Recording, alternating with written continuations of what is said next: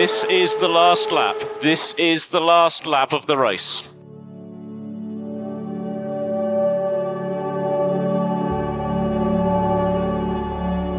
Jestem normalnym facetem. Moja praca prawdopodobnie nie jest normalna, ale gdy dorastałem, zakochałem się w niej. Ludziom wydaje się, że skoro ktoś jest kierowcą Formuły 1, musi żyć niesamowicie. Ale ja nie lubię pokazywania swojego życia. O wiele bardziej cieszę się ze spędzania spokojnego czasu z przyjaciółmi. Marzyłem o mojej pracy, kiedy byłem małym chłopcem. Wiem, że czasem narzekam, w końcu jestem Niemcem. Muszę jednak przyznać, że Formuła 1 to królowa sportów motorowych. Sebastian Vettel, wypowiedź dla The Telegraph z 2014 roku.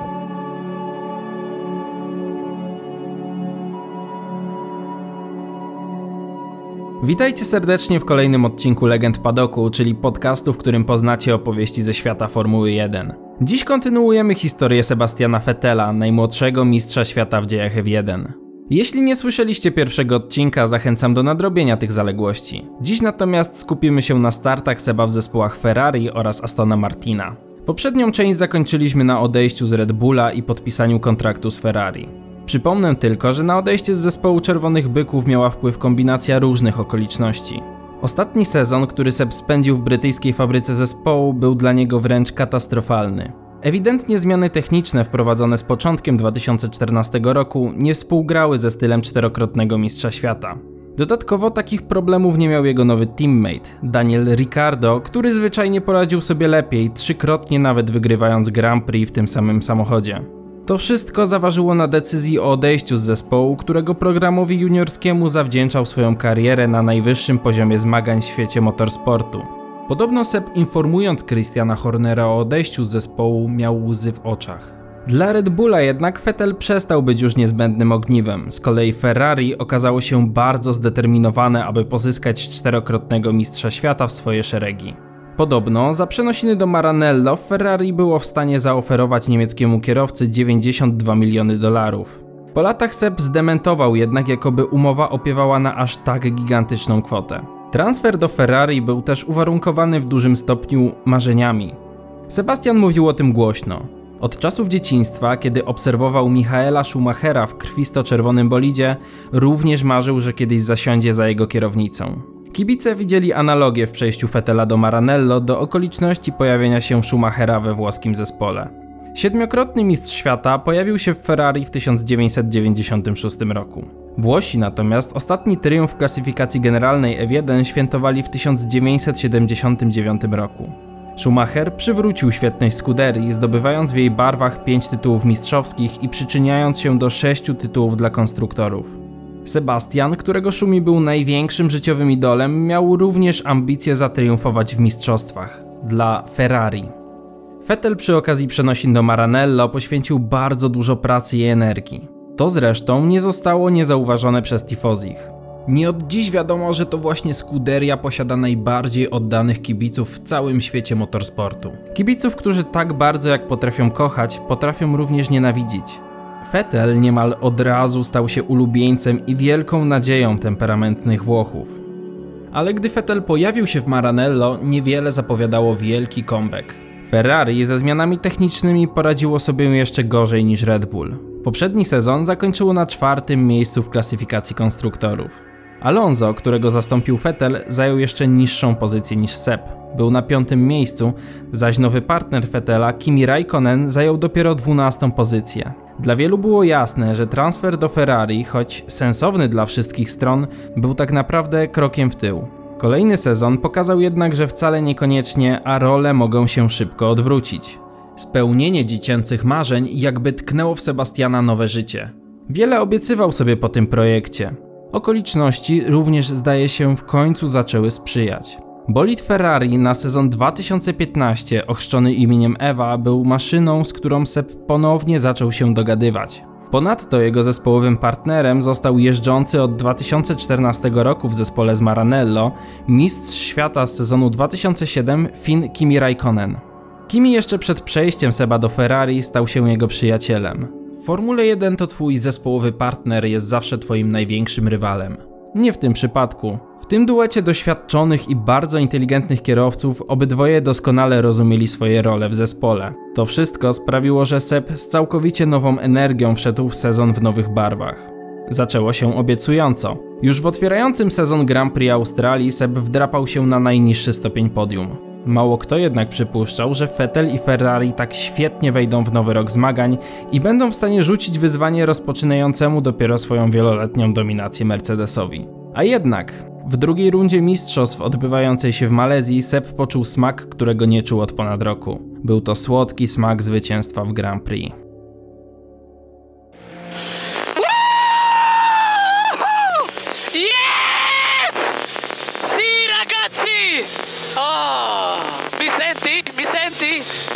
Grazie mille, ragazzi. Grazie, grazie, grazie! Dai, forza Ferrari! Ferrari nawet nie marzyli o takim szybkim powrocie do gry. Szef zespołu Maurizio Arrivabene zakładał, że dwa zwycięstwa w sezonie są optymistycznym scenariuszem, a tymczasem bolid prowadzony przez Seba był w stanie wygrać jeden z najbardziej wyczerpujących fizycznie wyścigów, natomiast maszyna Kimiego przebiła się z 11 pozycji na czwartą. Dwa bolidy Mercedesa na przestrzeni całego sezonu okazały się być jednak zbyt szybkie, aby w pierwszym roku Fetela w Scuderii myśleć o mistrzostwie. Mimo to Seb w 2015 roku był jedynym kierowcą, który był w stanie przełamać pasy zwycięstw Louisa Hamiltona i Nico Rosberga. Udało mu się to w Malezji, ale także na Hungaroringu, gdzie zadedykował swoje zwycięstwo tragicznie zmarłemu Julesowi Bianchiemu oraz jeszcze raz w Singapurze. A race lead from lap one. You great, you magic. Forza Ferrari! Grazie. Lasciatemi guidare perché non sono lento. Lasciatemi guidare una gara bella.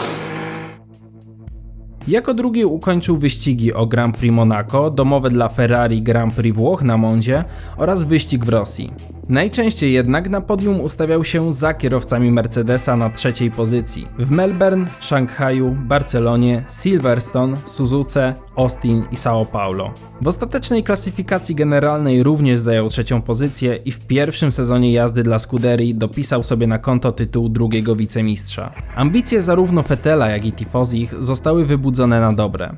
Ku Ferrari zaczęła zwracać się także uwaga ogółu kibiców motorsportu, nudzących się już powoli dominacją srebrnych strzał. Seb też nie krył zadowolenia, określając sezon 2015 mianem cudu. Ferrari w zasadzie wykorzystało wszystkie słabości Mercedesa. Choć wiadomo było, że kolejny sezon nie będzie należał do najłatwiejszych, zważywszy na fenomenalną dyspozycję srebrnych strzał, to wśród kibiców i w zespole pojawił się tak potrzebny powiew optymizmu.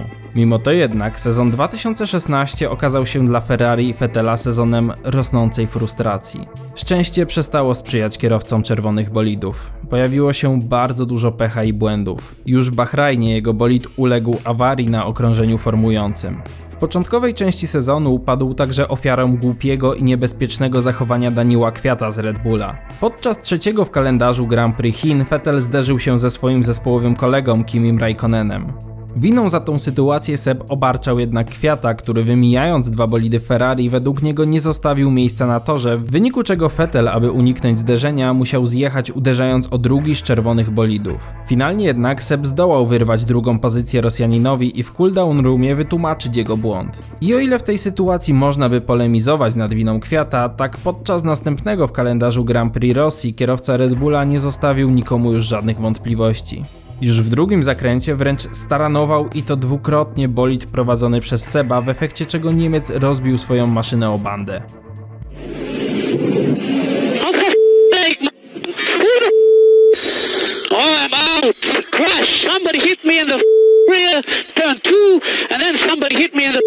Again in turn three. For sake.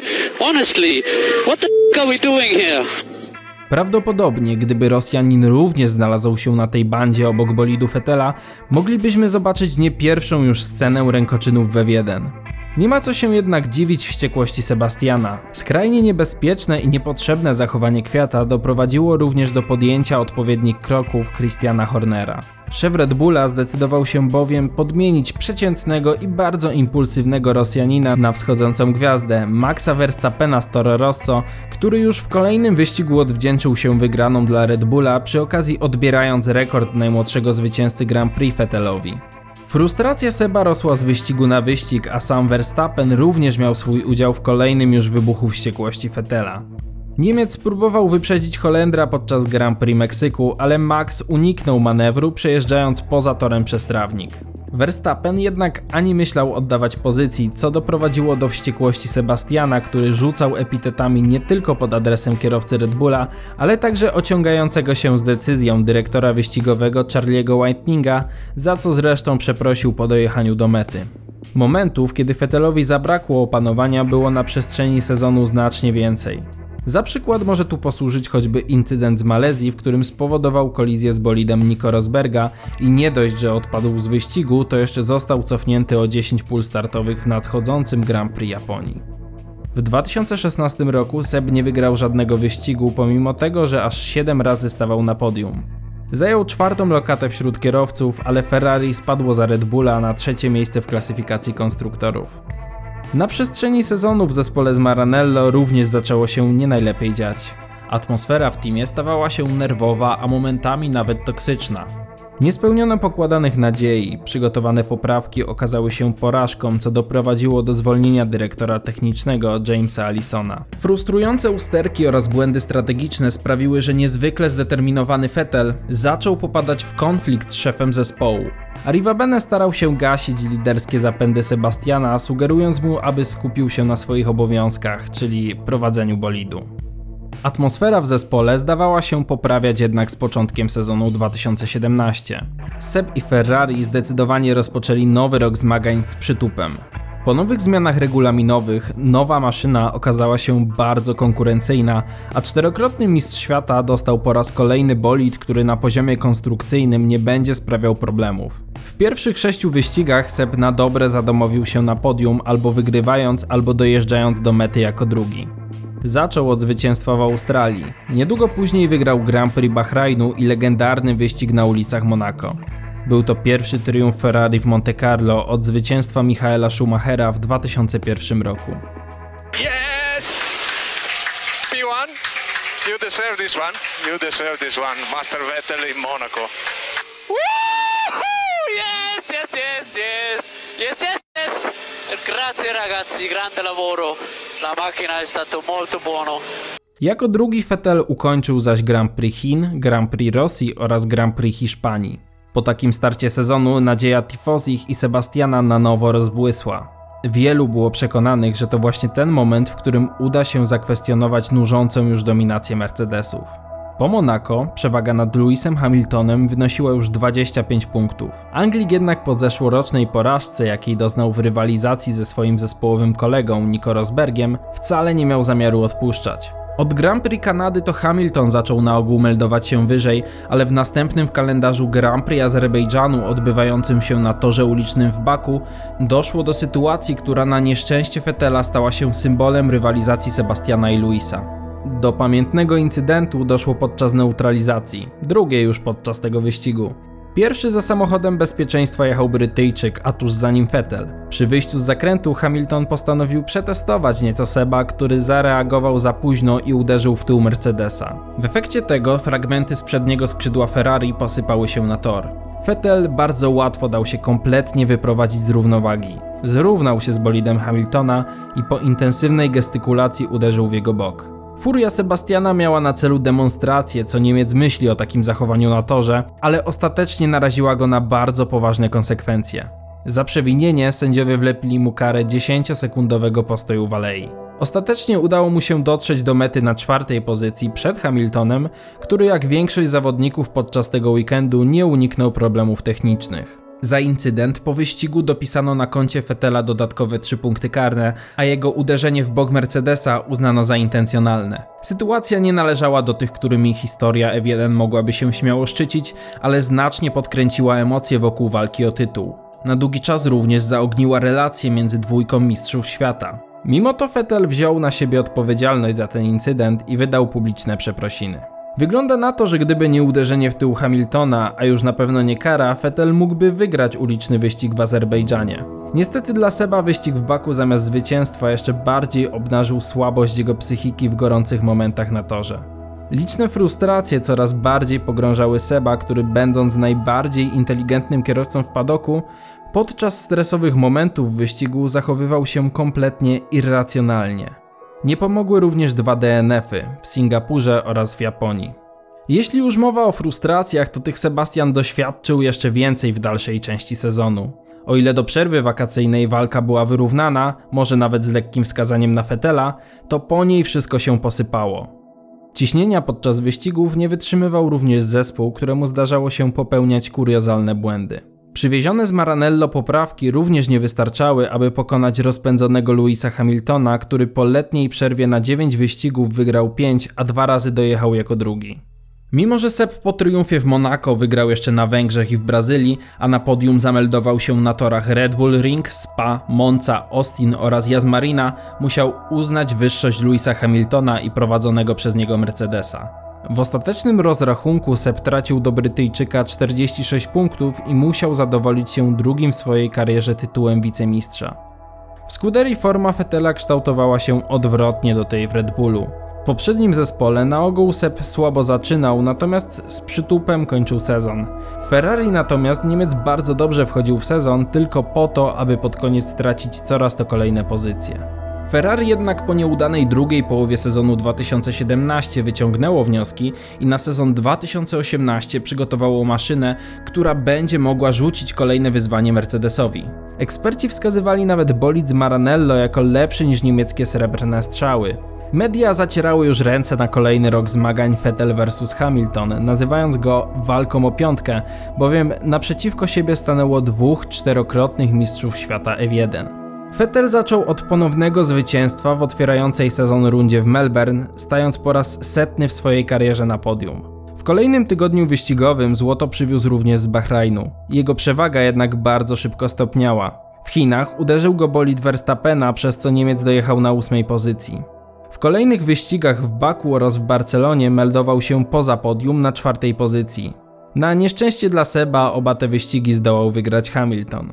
W kolejnym w kalendarzu wyścigu w Monte Carlo był drugi, a następnie wygrał w Kanadzie.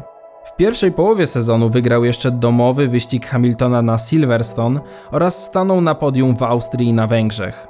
Niestety w tym okresie przydarzył się też Sebowi kolejny głupi błąd, który będzie podobnym symbolem porażki w sezonie 2018 jak Baku w 2017. Tym gorzej, że miał on miejsce na domowym wyścigu Sebastiana odbywającym się na Hockenheimringu. To właśnie wtedy Seb stracił realne szanse na wygraną w mistrzostwach i wywołał lawinę błędów, porażek i nieszczęśliwych zbiegów okoliczności. Tego niedzielnego popołudnia to Sebastian był niekwestionowanym faworytem do zwycięstwa. Awaria w kwalifikacjach sprawiła, że główny rywal, Hamilton, startował dopiero z 14 pola. W tym momencie większość tifozich była pełna nadziei. To koniec dominacji Mercedesa. Ferrari w końcu powróci na tron. Forma samego Ferrari również wydawała się być wtedy rewelacyjna. Mercedesy miały bowiem tracić do bolidu z Maranello aż pół sekundy na okrążeniu. Dopiero co udało się pokonać Hamiltona przed jego własną publicznością. To musiał być wyścig Fettela i w istocie był, ale niestety w najgorszym tego słowa znaczeniu. Vettel prowadząc w wyścigu zaszokował cały motorsportowy świat, popełniając błąd, którego na taką skalę nie popełniał nawet jako nieopierzony kierowca, a co dopiero niezwykle doświadczony czterokrotny mistrz świata. Sebastian Vettel! He has been leading almost from start to finish, but now he's out of this race! fuck's sake. Fuck's sake. Sorry, guys. Niemiec pomylił się w prostym zakręcie, a że nie było asfaltowego pobocza, zakopał się w żwirze i pozbawił szans nie tylko na wygraną, ale i na dojechanie do mety. Na domiar złego po dublet sięgnął podczas tego weekendu Mercedes, który przecież pierwszy raz od dawna stracił przewagę silnika i status faworyta. Seb po restarcie sezonu zdołał co prawda jeszcze wygrać na legendarnym belgijskim Spa, ale był to ostatni wielki sukces w tym roku. Na Monzie doszło do kontaktu między nim a Hamiltonem, przez co dojechał do mety dopiero na czwartej pozycji. Podczas Grand Prix Singapuru znowu wróciły najgorsze demony Ferrari. Po wprowadzeniu nowych poprawek tempo zespołu z Maranello uległo zdecydowanemu pogorszeniu. Było na tyle źle, że po trzech rundach zdecydowano się na usunięcie ulepszeń i przywrócenie starej konfiguracji, co z miejsca poprawiło sytuację Ferrari. Było już jednak za późno. Po wyścigu w Meksyku po raz piąty w karierze mistrzostwo zdobył Lewis Hamilton, mimo że Seb dojechał do mety na drugiej pozycji. Na takiej skończył również w klasyfikacji generalnej. Drugim wicemistrzem został zaś Kimi Raikkonen. Niestety to nie wystarczyło, aby Ferrari odebrało tytuł mistrza konstruktorów Mercedesowi. Na następnej porażce po raz kolejny zaważyły rażące błędy strategiczne zespołu, ale również kolejne błędy indywidualne Fetela, co dostrzegli również krytyczni tifozi. Na domiar złego w 2018 roku doszło do tragicznego wydarzenia, które odmieniło zespół z Maranello. W lipcu zmarł Sergio Marchionne, prezes Ferrari, ale i człowiek, dzięki któremu, choć z przeszkodami, Scuderia wracała na szczyt. O jego znaczeniu dla włoskiego zespołu niech świadczy fakt, że to właśnie w jego odejściu media wskazywały powód drastycznego spadku formy Ferrari. Po jego śmierci nastąpiła rewolucja personalna w Scuderii, w wyniku której fotel stracił nie tylko szef zespołu Maurizio Arrivabene, ale również Kimi Raikkonen, z którym doskonale dogadywał się Vettel. W jego miejsce pojawił się wschodzący młody talent Charles Leclerc, niejako wymieniony właśnie za Raikkonena z Zauberem. Pieczę nad zespołem objął zaś Mattia Binotto. To doprowadziło do jeszcze większego spadku znaczenia Fetela w zespole, które i tak już zostało podkopane przez głupie błędy i furię z poprzednich sezonów. Te wszystkie czynniki sprawiły, że przygoda z walką o duże cele w królowej motorsportu zaczęła się kończyć. Sezon 2019 dobitnie pokazał, że czas Fetela w Ferrari dobiega końca. Mało kto spodziewał się, że Charles Leclerc będzie chciał aż takim przebojem wejść do gry o pierwszy fotel w Ferrari. Monakijczyk był najmłodszym kierowcą Scuderii od 1961 roku. Cały świat Formuły 1 poznał możliwości Leclerca jeszcze przed początkiem sezonu, gdzie Charles potrafił wykręcić najlepszy czas okrążenia podczas dnia testowego w Bahrajnie. To spowodowało, że presja jaka spoczywała na Fetelu urosła jeszcze bardziej. Młody i gniewny kierowca Ferrari bardzo szybko pokazał, że nie będzie żył z czterokrotnym mistrzem świata w takim układzie jak Kimi Raikkonen. Choć nowy szef zespołu Mattia Binotto namaścił Fetela na lidera Scuderii, to Leclerc postanowił to z miejsca zakwestionować. Pierwszy zgrzyt pojawił się podczas drugiego w kalendarzu Grand Prix Bahrajnu, gdzie Monakijczyk zignorował polecenia zespołowe i wyprzedził swojego teammate'a. Charles denerwował nie tylko Fetela, ale również Mattie Binotto, który nie był przygotowany na aspiracje Leclerca, z którymi nie potrafił sobie poradzić. Jak pogodzić bowiem niekwestionowany i niezwykły talent młodego kierowcy z ogromnym doświadczeniem mistrza świata? Jak pogodzić ze sobą ich ogromne ego i wielkie aspiracje? Z czasem Leclerc zaczął wyrastać na lidera zespołu, dla którego największym przeciwnikiem nie był Seb, a liczne awarie bolidu. I pomimo tego, że to buntowniczy Monakijczyk znacznie częściej wystawiał na próbę cierpliwość zespołu, to frustracja Fetela podsycana od teraz przegrywaną rywalizacją z młodszym kolegą dała w trakcie sezonu o sobie wielokrotnie znać. Tak było podczas Grand Prix Brazylii. W São Paulo doszło do lekkiego kontaktu obydwu kierowców. Uszkodzenia jednak okazały się na tyle poważne, że wykluczyły obie maszyny z walki o punkty. Do sytuacji doszło podczas kontrataku Fetela, ale trzeba przyznać, Charles nie zostawił mu zbyt wiele miejsca i również jest współwinny sytuacji. Z kolei w Rosji to Vettel tym razem złamał ustalenia i postanowił nie przepuszczać swojego teammate'a mimo próśb zespołu. Vettel ostro zagotował się także podczas Grand Prix Kanady, tym razem już bez udziału Leclerca. W tym przypadku trudno jednak się dziwić wściekłości Niemca. Według wielu został on wtedy ograbiony ze zwycięstwa w Montrealu. Seb ruszał z pole position. Podczas wyścigu wyjechał na chwilę poza tor, a wracając na niego zajechał drogę jadącemu tuż za nim Hamiltonowi. Przynajmniej według sędziów, którzy rozpatrując ten incydent wlepili Niemcowi 5 sekund kary. Kontrowersja polega na tym, że Vettel raczej w niewielkim stopniu zagroził Hamiltonowi, a jego działanie nie było intencjonalne. Mimo, że przekroczył linię mety jako pierwszy przez doliczenie kary, spadł za Hamiltona. Sepp postanowił zamanifestować przed kamerami, że nie zgadza się z decyzją sędziów, zamieniając miejscami pachołki z numerami miejsc stojące przed bolidami. Ta scena przeszła zresztą do historii F1 jako ta jedna z bardziej memicznych. Oficjalnym zwycięzcą Grand Prix Kanady został ostatecznie Hamilton, a Sepp w tym sezonie mógł cieszyć się tylko z jednego zwycięstwa. Jak się miało okazać, ostatniego w jego karierze. Po raz ostatni w 2019 roku lew Singapuru, bo taki przydomek zyskał Vettel, pokazał swój pazur. Seb, contentissimo per te. Bravo, bravo, bravo. Enjoy the fireworks. Here is awesome, as usual. You are the lion of Singapore. How many wins did you have? many. Five. Five. Five, like in the car number five. Exactly. Grazie. Well done. Sepp podczas swojej kariery osiągał dobre statystyki na torach azjatyckich. Najczęściej w swojej karierze stawał na podium i wygrywał na torze Marina Bay w Singapurze, na którym triumfował najwięcej razy w swojej karierze, bo aż pięciokrotnie. W 2019 roku udało mu się też wywalczyć pole position w Japonii, ale dał się wyprzedzić Walteriemu Bottasowi z Mercedesa i dojechał jako drugi. Średni stopień podium udało się jeszcze zdobyć we wspomnianej Kanadzie, w Monako, w Niemczech oraz w Meksyku. Jako trzeci Seb ukończył wyścigi w Chinach, Azerbejdżanie i na Węgrzech. To przełożyło się na piątą lokatę w ostatecznej klasyfikacji kierowców.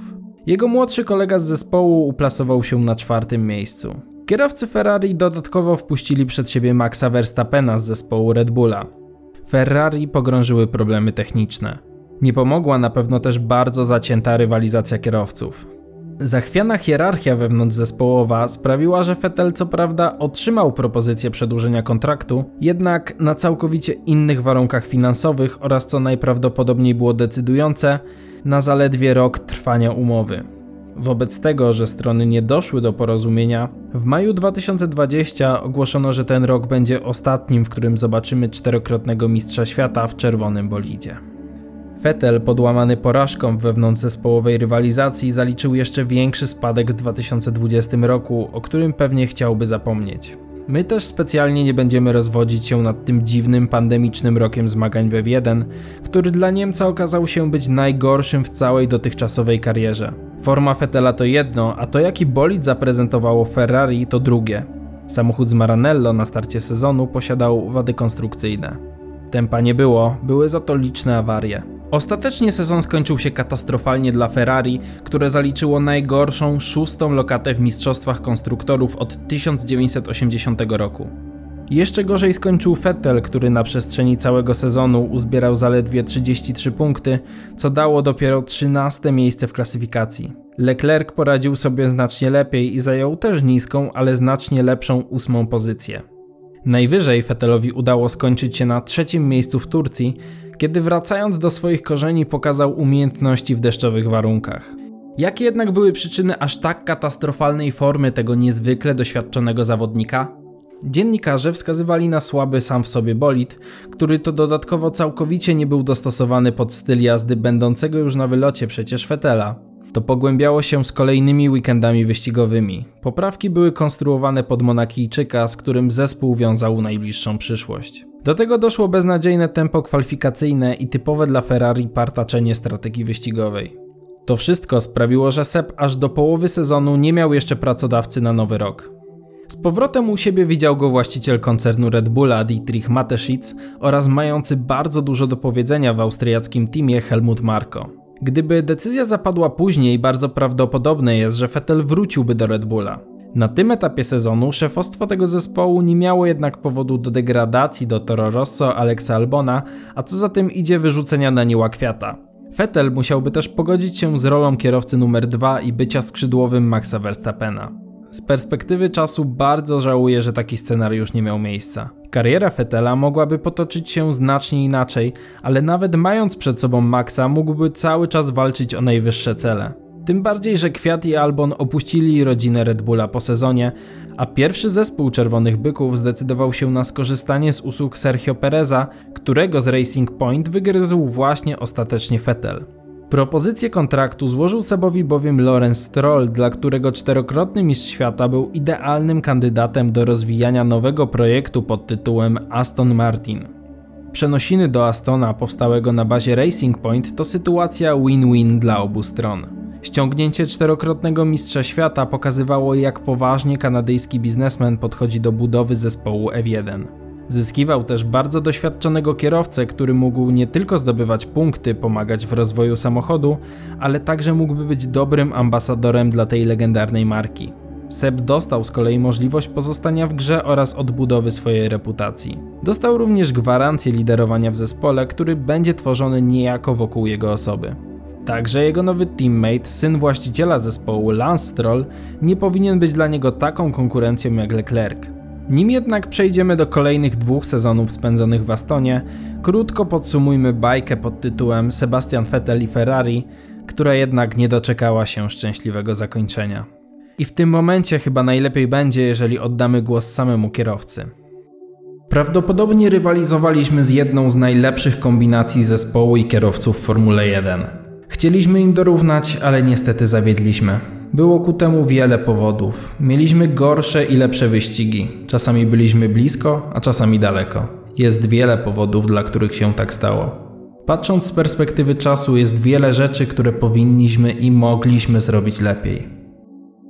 Ten rozdział kariery to historia wzlotów i upadków, początek pełen nadziei, spełnienie dziecięcych marzeń, liczne zwycięstwa w pięknym stylu. Niestety to też pasmo wielu porażek, frustrujących awarii i strategicznych w top zespołu, ale też głupich błędów samego kierowcy. To wszystko złożyło się na to, że nigdy nie udało się zrealizować największego marzenia wygrać mistrzostw dla Tifozich, dla Ferrari.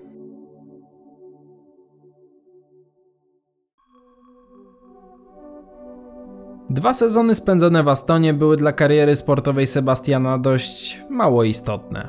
Seb nie walczył tutaj już o najwyższe cele, a jedynie o dowożenie jakichkolwiek punktów. Mimo tego w pierwszym sezonie wzniósł się ponad możliwości bolidu i w Baku z 11 pola przedarł się na sensacyjne drugie miejsce. Yes, mate. Well done. Yes, yes, yes, yes, yes. Great job. Hey, that's a podium, man. That's a wrap. Thank you. Car was amazing today. Yay! What a race! Yes, man. Ostatecznie sezon skończył na 12 pozycji, o jedno miejsce wyżej niż Lance Stroll. Sezon 2022 rozpoczął się dość pechowo, ponieważ Seb musiał opuścić pierwsze dwa wyścigi z powodu zakażenia COVID-19. Rok ponownie zakończył nad Strollem na 12 pozycji w klasyfikacji generalnej, pokazując, że dalej ma umiejętności godne mistrza świata, demonstrując ich próbkę w Grand Prix USA, gdzie Seb po raz ostatni już we F1 zaprezentował swój geniusz. W zespole Astona zobaczyliśmy jednak całkowicie inne oblicze Sebastiana. Tak jak gdyby transfer do nowego zespołu całkowicie zdjął presję z Niemca. Seb poświęcił się może nawet bardziej niż jeździe we F1 aktywizmowi społecznemu. Bardzo często podejmował tematy ochrony środowiska, równości, a także praw kobiet. I o ile z poglądami Seba można się zgadzać bądź nie, to na pewno należy docenić, że Vettel nigdy nie kończył na głoszeniu wzniosłych postulatów. Osobiście zbierał śmieci z trybun po Grand Prix Wielkiej Brytanii 2021. Pracował z dziećmi w Austrii przy budowie hotelu dla pszczół, a w weekend Grand Prix Arabii Saudyjskiej 2021 zorganizował nawet zawody kartingowe dla kobiet. Po rosyjskiej agresji na Ukrainę jeszcze przed jakąkolwiek reakcją FIA zapowiedział, że jeżeli wyścig w Soczi się odbędzie, to on kategorycznie odmówi w nim udziału. Z czasem jego przenosin do Astona zbiegł się również debiut Mika Schumachera w F1. Vettel nigdy nie krył, że ojciec Mika, Michael, był jego idolem z dzieciństwa. Szumi był także ogromnym wsparciem i mentorem dla Seba, kiedy wchodził on na najwyższy etap swojej kariery. Niestety, jak pewnie większość z Was wie, Michael Schumacher doznał bardzo ciężkiego wypadku na nartach pod koniec 2013 roku. Sebastian postanowił spłacić zaciągnięty przed laty dług chyba w najlepszy możliwy sposób. W padoku Seb jak najmocniej starał się zastąpić młodemu kierowcy Hasa ojca, będąc mentorem i wsparciem w okresie, który nie był łatwy dla młodego Schumachera, zwłaszcza w poprzednim sezonie. Bez względu w jakim stanie jest siedmiokrotny mistrz świata, na pewno docenia opiekę jaką Seb otoczył Mika. Vettel przez wszystkie lata spędzone we F1 stał się prawdziwym ulubieńcem dziennikarzy. Niemiec prawie zawsze był życzliwy i doskonale władał językiem angielskim. Kierowcy udzielający wywiadów w padoku bardzo często zachowują się jak maszyny zaprogramowane na recytowanie wyuczonych formułek, zawierające te same banały powtarzane tylko różnym reporterom. Z Sebem bardzo często bywało inaczej. Jego niezwykła inteligencja i cięty język pomagały w urozmaiceniu relacji z poszczególnych wyścigów, a przy okazji ratunek od śmierci z nudów po kolejnych rozmowach ze Strollem czy Hulkenbergiem. W odróżnieniu od Nico traktował zawsze swoich rozmówców z szacunkiem. Warto wspomnieć, że kontrowersyjne zachowania owszem zdarzały się Sebowi, ale niemal zawsze tylko na torze. W padoku, zwłaszcza podczas wypowiedzi, pokazywał klasę. Im bardziej dojrzewał jako człowiek i jako sportowiec, z sezonu na sezon coraz większą. Fetela doceniali również inni kierowcy.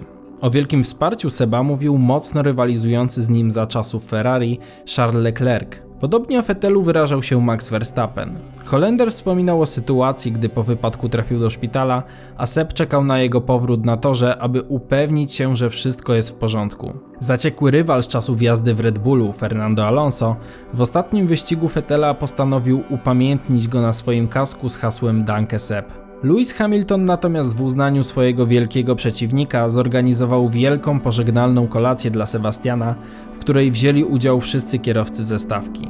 Pomimo wszystkich jego wad, kibice również mocno pokochali Seba, zwłaszcza w ostatnich latach kariery w F1. Seb w padoku wyróżniał się ogromnym poczuciem humoru. Na tym polu mógł rywalizować z nim chyba tylko Daniel Ricciardo. Do historii przejdą jego egipskie cieszynki na podiach, riposty na konferencjach prasowych, czy zabawa w jaka to melodię z Charlesem Leclerciem.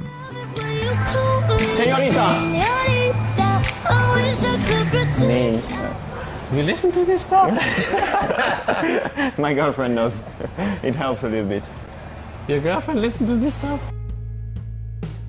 Vettel reprezentuje angielski rodzaj poczucia humoru, który sam uwielbia, zwłaszcza w wydaniu Montiego Pythona. Zresztą to nie jedyna fascynacja Seba brytyjską kulturą, który sam siebie określa jako anglofil. Jest też wielkim fanem muzyki Beatlesów, a jego ulubionym utworem jest Drive My Car.